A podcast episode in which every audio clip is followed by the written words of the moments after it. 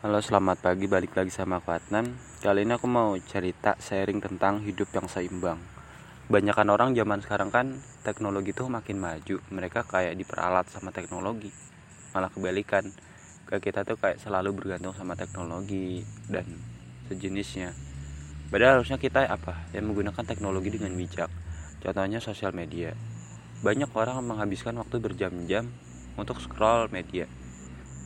Kayak nggak jelas tujuannya mau ngapain cuma sekedar hiburan. Tahu-tahu udah maghrib udah banyak waktu yang habis hanya untuk scroll sosial media.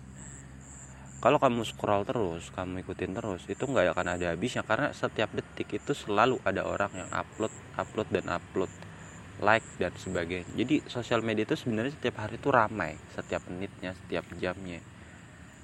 Apalagi setiap hari selalu ada orang yang buat akun yang upload yang apalah. Jadi jangan nurutin kemauan sosial media gitu. Kita waktunya tuh cuma terbatas. Nggak mungkin bisa konsumsi semua konten.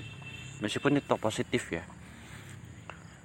Aku tuh scroll sosial media tuh kalau cuma kayak cuma 5 menit terus ya udah. Karena bukan karena bosan tapi karena aku nggak mau ketagihan. Dan sosial media kan sekarang kayak postingannya itu itu aja. Jadi untuk apa scroll lama-lama? Jadi ya udahlah. Kita jangan terlalu bergantung sama teknologi. Coba lihat ke alam jalan-jalan gitu. Masih ngerasain suasana yang segar kita coba flashback lagi. Nostalgia waktu belum ada teknologi semaju sekarang kita biasanya ngapain? Apa kita stres? Enggak kan? Kita kadang main sama temen nonton TV belajar atau apa kita enjoy aja nggak ada teknologi. Tapi sekarang kita seolah kayak jadi budaknya teknologi. Coba deh seimbang. Terus orang-orang banyak ya yang pengen kerja di perusahaan karena stabil. Banyak orang jadi PNS karena stabil. Untuk tuh besok tuh apa ya PNS tuh udah sangat berkurang lah. Diganti yang namanya robot atau sistem. Sekarang tuh udah banyak aplikasi-aplikasi yang memudahkan bahkan nggak perlu tugas manusia tuh nggak perlu. Sekarang udah digantikan sama robot. Terus orang-orang yang kerja di perusahaan itu juga bakal berkurang drastis. Karena apa? Kerjanya udah digantikan sama mesin sama software sama apa. Jadi ya udahlah. Kerjaan yang bakal membeludak itu besok yang ranah agraris yang masih membutuhkan peran manusia. Tapi kalau diolah dengan baik itu hasilnya juga akan nggak kalah kok sama yang perusahaan. Jujur ya namanya robot atau apa itu belum bisa sepenuhnya 100% menggantikan peran petani nelayan. Aku belum nemu tuh robot yang bisa nangkep ikan robot yang bisa nanem. Kan namanya pertanian itu kan dinamis banget ya.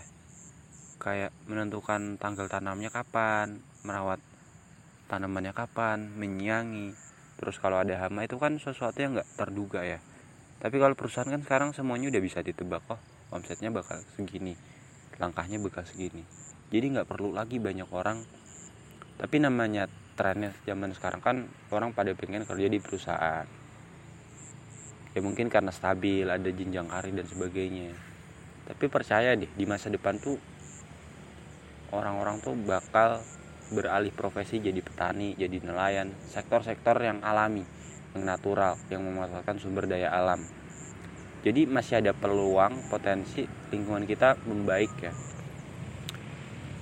Tetap industri masih jalan, terus aparatur negara masih ada, tetap cuma jumlahnya nggak sebanyak sekarang di zaman di masa depan itu.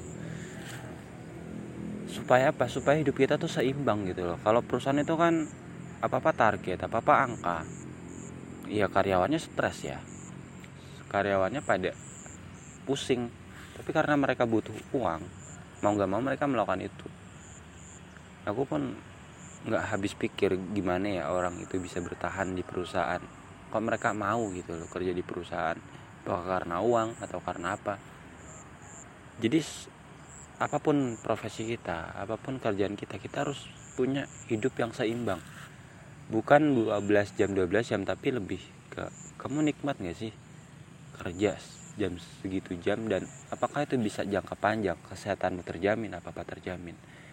Kalau kamu kerja tapi kesehatanmu makin menurun mending gak usah kerja gitu kerja itu kan buat kita bahagia dapat uang dapat bisa beli apa aja ketemu banyak orang. Tapi kalau kerja itu malah bikin kita stres mending gak usah kerja gitu